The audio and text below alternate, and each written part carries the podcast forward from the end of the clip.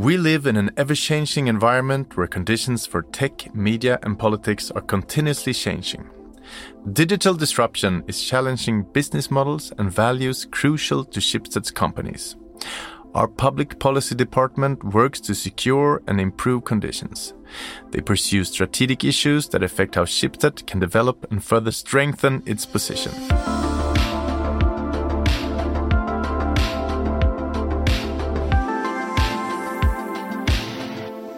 Today's guests are Petra Wikström, Director of Public Policy, and Anna Söder, Public Policy Specialist. Some of the topics zero VAT for our newspapers, a new national debt register, and why Swedish politicians has become fat cats when it comes to tech related questions. Petra Wikström, what exactly is it that you do in the public policies team? What we are doing is we are following legislation for our markets. And what we are doing in the public policy team is we are trying to influence those legislations or proposals for new regulation so that they become as good as possible for our different uh, services. Why do Schibsted work with public policies? Well, there are several reasons for it, but I would say that one reason is that there is quite a lot of regulatory initiatives in the digital market now, which wasn't the case for five years ago, for example. Now everybody wants to add rules for online marketplaces, for social networks, for media companies online. And of course, it's important for us to be able to influence them in the right direction uh, and also talk to decision makers about how does it work in the digital market? What does it look like? How does Schibsted work? How does how do our services help people, for example, and how do we use data, which is a very important issue to to discuss with the decision makers. Schibsted's a pretty big thing in Scandinavia, but how do you make our voice heard in Brussels? It's a process. You, of course, need to establish a network in Brussels, but I've been working in Brussels myself for many years and I have quite a big network from that time, which means that I know people and that means that it's easier to get meetings, of course. People would mean people, for example, working in the European Commission, but also people working in the European Parliament. So both politicians, but also their assistants. And then you also have uh, member states. They have all their different representations in Brussels. So you would have Swedish um, officials from the Swedish government that also are uh, active in Brussels. So these are the people that we meet with. And it's actually not uh, difficult for us to, to get meetings. We are quite an interesting company because we have the combination of media, digital services, fintech services. So we are quite different from many other companies in Europe. And also because we are a Nordic company, there is an interest in hearing what about the tech savvy Nordic region? What is your view on, on how should we regulate, for example, the big uh, tech companies? Schibsted has taken a strong position against the tech giants. How does that show in your work?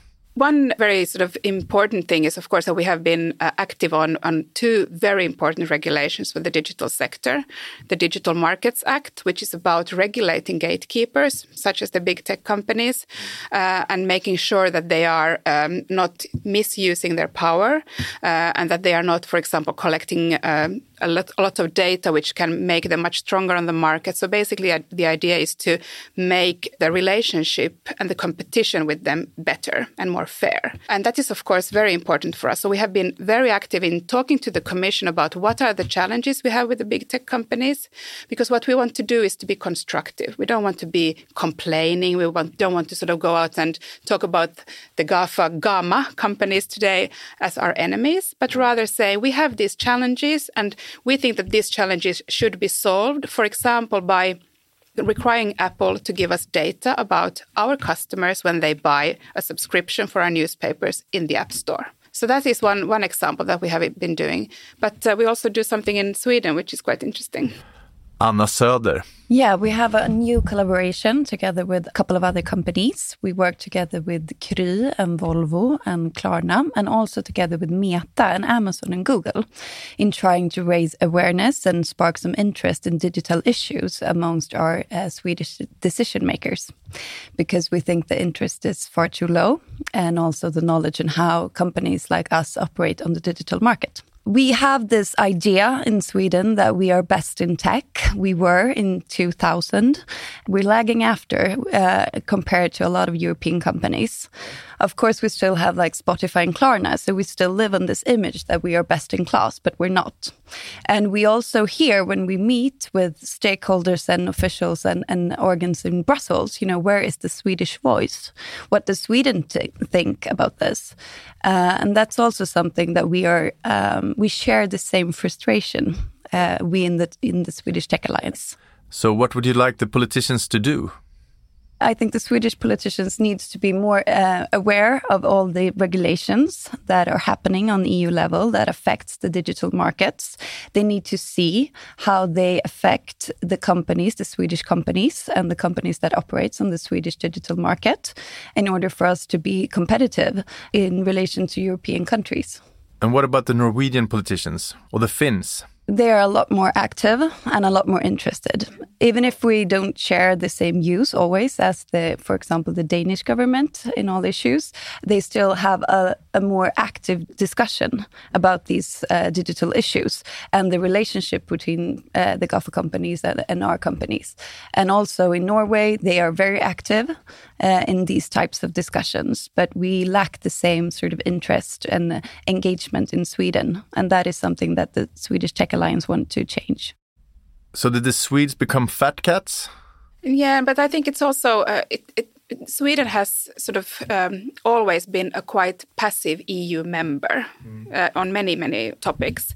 I myself, I'm from Finland. I've been working in Finland a lot with regulatory issues, and Finland is a country where they want to be very active as an active EU member, where they actively talk to companies. They want to help Finnish companies to become bigger and better, uh, and they they have a very sort of uh, active digital agenda uh, in Finland also in Norway, it's very interesting. There, it's also Norway is not an EU member, but they still want to be able to try to influence uh, EU issues, which they can't do the formal ways. So they have to do it the informal ways a lot, which means that they also have to know what is important for Norwegian companies. And then Norway as a government is lobbying the European Commission. So I think, you know, it's, it's about sort of what does the government want for its own market? And here we feel that the Swedish government doesn't really have an ambition to be a country that actively promotes Swedish digital companies.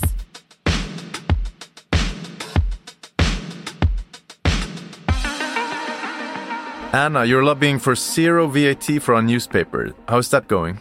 Actually, we don't know yet.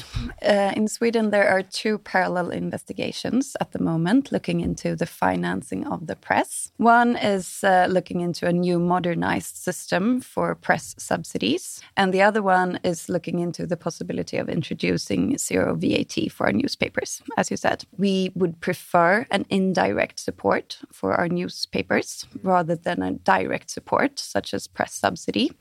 The reason for that is because an indirect direct subsidy uh, is less uh, prone to political influence than a direct press subsidy and it also is isn't something that we need to you know put a lot of effort into applying for etc Anna, I know you're focusing a lot on Lendo and fintech regulations. What's Schibsted aim here? What do we want? Schibsted and Lendo wants a lot of things. And for those who do not know Lendo, it's the biggest loan broker in Sweden uh, that offers a comparison site for loans for consumers. And the purpose of the whole uh, site is to uh, facilitate for people in need of loan uh, to make a more informed decision. But we still operate on a very problematic market, the market for consumer credits. It's a market uh, with a very bad reputation. There's an, an increase increasing uh, over indebtedness in the society today. And there's also a few rotten eggs operating on that market that actually takes advantage of people in a bad situation. Uh, and Lendo wants to uh, participate in the discussion on how we combat over indebtedness in the society and how we can make the market for consumer credits a better market for the consumers. And uh, strengthen consumer protection. So we want to be part of the discussion on finding the solution, and we want to have that discussion with decision makers. When we started working with Lendo, with public policy for Lendo, it was quite difficult to get meetings uh, with the officials in Sweden uh, because of this strong principle of an arm's length that we have amongst officials in Sweden. Uh, and they asked so, us, you know, isn't there like a business association that we could talk to instead? Because that would be slightly more um, easy for them to handle. And at the time, there wasn't one. So Lendo started a working group within the Swedish FinTech Association that now uh, gathers 12 companies on the market for consumer credits. Klarna is there, Amex, etc. We are working together on how we can find a common ground and, and uh, draft a code of conduct for the, our business.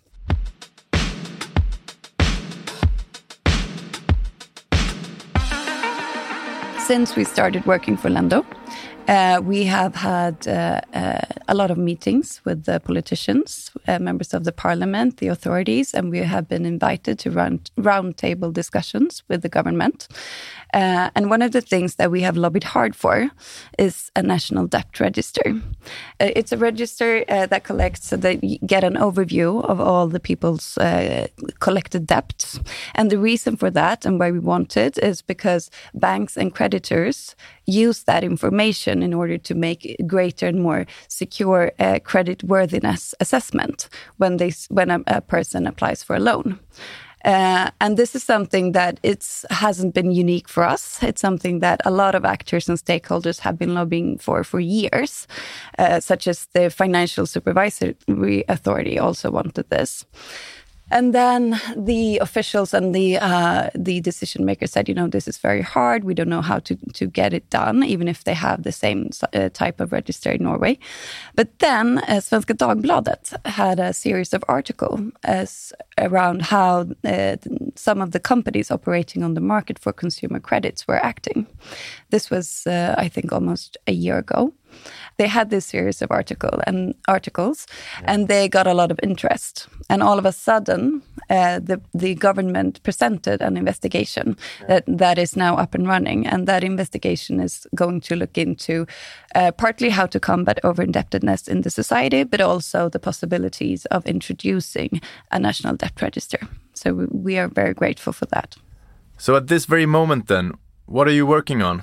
Uh, so there are quite a lot of issues going on. Uh, of course, you know the, the Digital Services Act and Digital Markets Act are not yet implemented, that will be a huge issue. So when these uh, laws will become sort of uh, in, enter into force, we will have to see how will they actually impact our business. We will also need to talk to, to the authorities in our markets to, to, see how will these laws be enforced on our market. Because, for example, for Blocket and Finn and, and Tori and, and marketplaces, there will be quite a lot of new rules that we also need to follow. So that's something which is very important. Um, we are also expecting a quite interesting proposal from the European Commission in the summer about media and freedom of the media, uh, where we think that the Commission is going to look at how to ensure um, freedom of the media in Europe and editorial uh, independence from the state. And of course, this goes a little bit along the lines of there is a lot of media with um, state uh, influence, for example, in Poland and Hungary, uh, but also we have disinformation and problems, of course, through that. Also, the war in Ukraine has a big impact on the media sector in Europe. Uh, so that will be a very high profile uh, issue that we'll be working on. And then for Schibsted, I would say that one of the really big issues uh, always, and sort of what is really the DNA of, of also what we are working on is data. And how are we able to use data? Uh, personal data, of course, we have consumer uh, services. We, we gather a lot of data, of course, according to the rules of the GDPR, which is the general data protection regulation. But we also know that there are quite a lot of uh, politicians uh, across Europe that would like to make rules around data more strict. There are those politicians that actually would like to ban the use of data for advertising. And there are also authorities in Norway that would like to ban the use for data. Uh, uh, for for uh, targeted advertising. Mm. So there is a big discussion in Norway.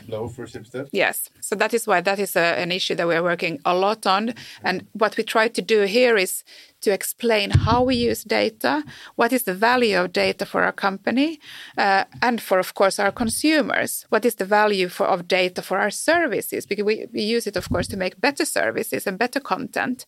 Uh, but a lot of um, decision makers don't really understand that. So it's also for us to go out and educate. Uh, and this we do a lot in Norway, of course, because uh, we are uh, bound by the rules of the Norwegian Data Protection Authority.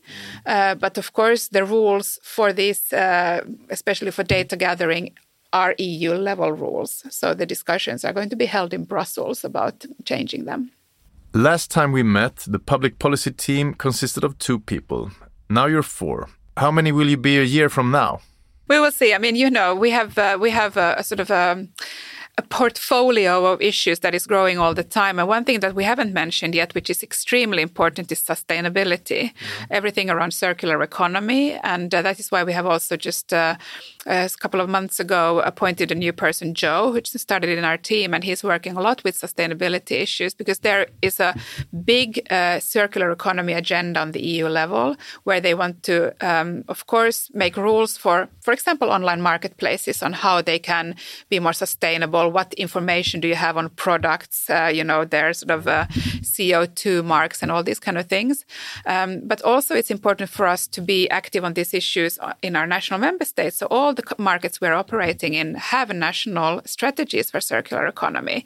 Uh, we are talking to the Finnish government. We are talking to the Norwegian government. We are trying, of course, the Swedish government, working together with other companies that also work with secondhand goods in order to. So there are a lot of new things coming on our on our radar. And depending on of course how Schibsted also develops and what new services we may invest in who knows if we're going to be working on health regulation next summer. Then we might need somebody who knows something about that.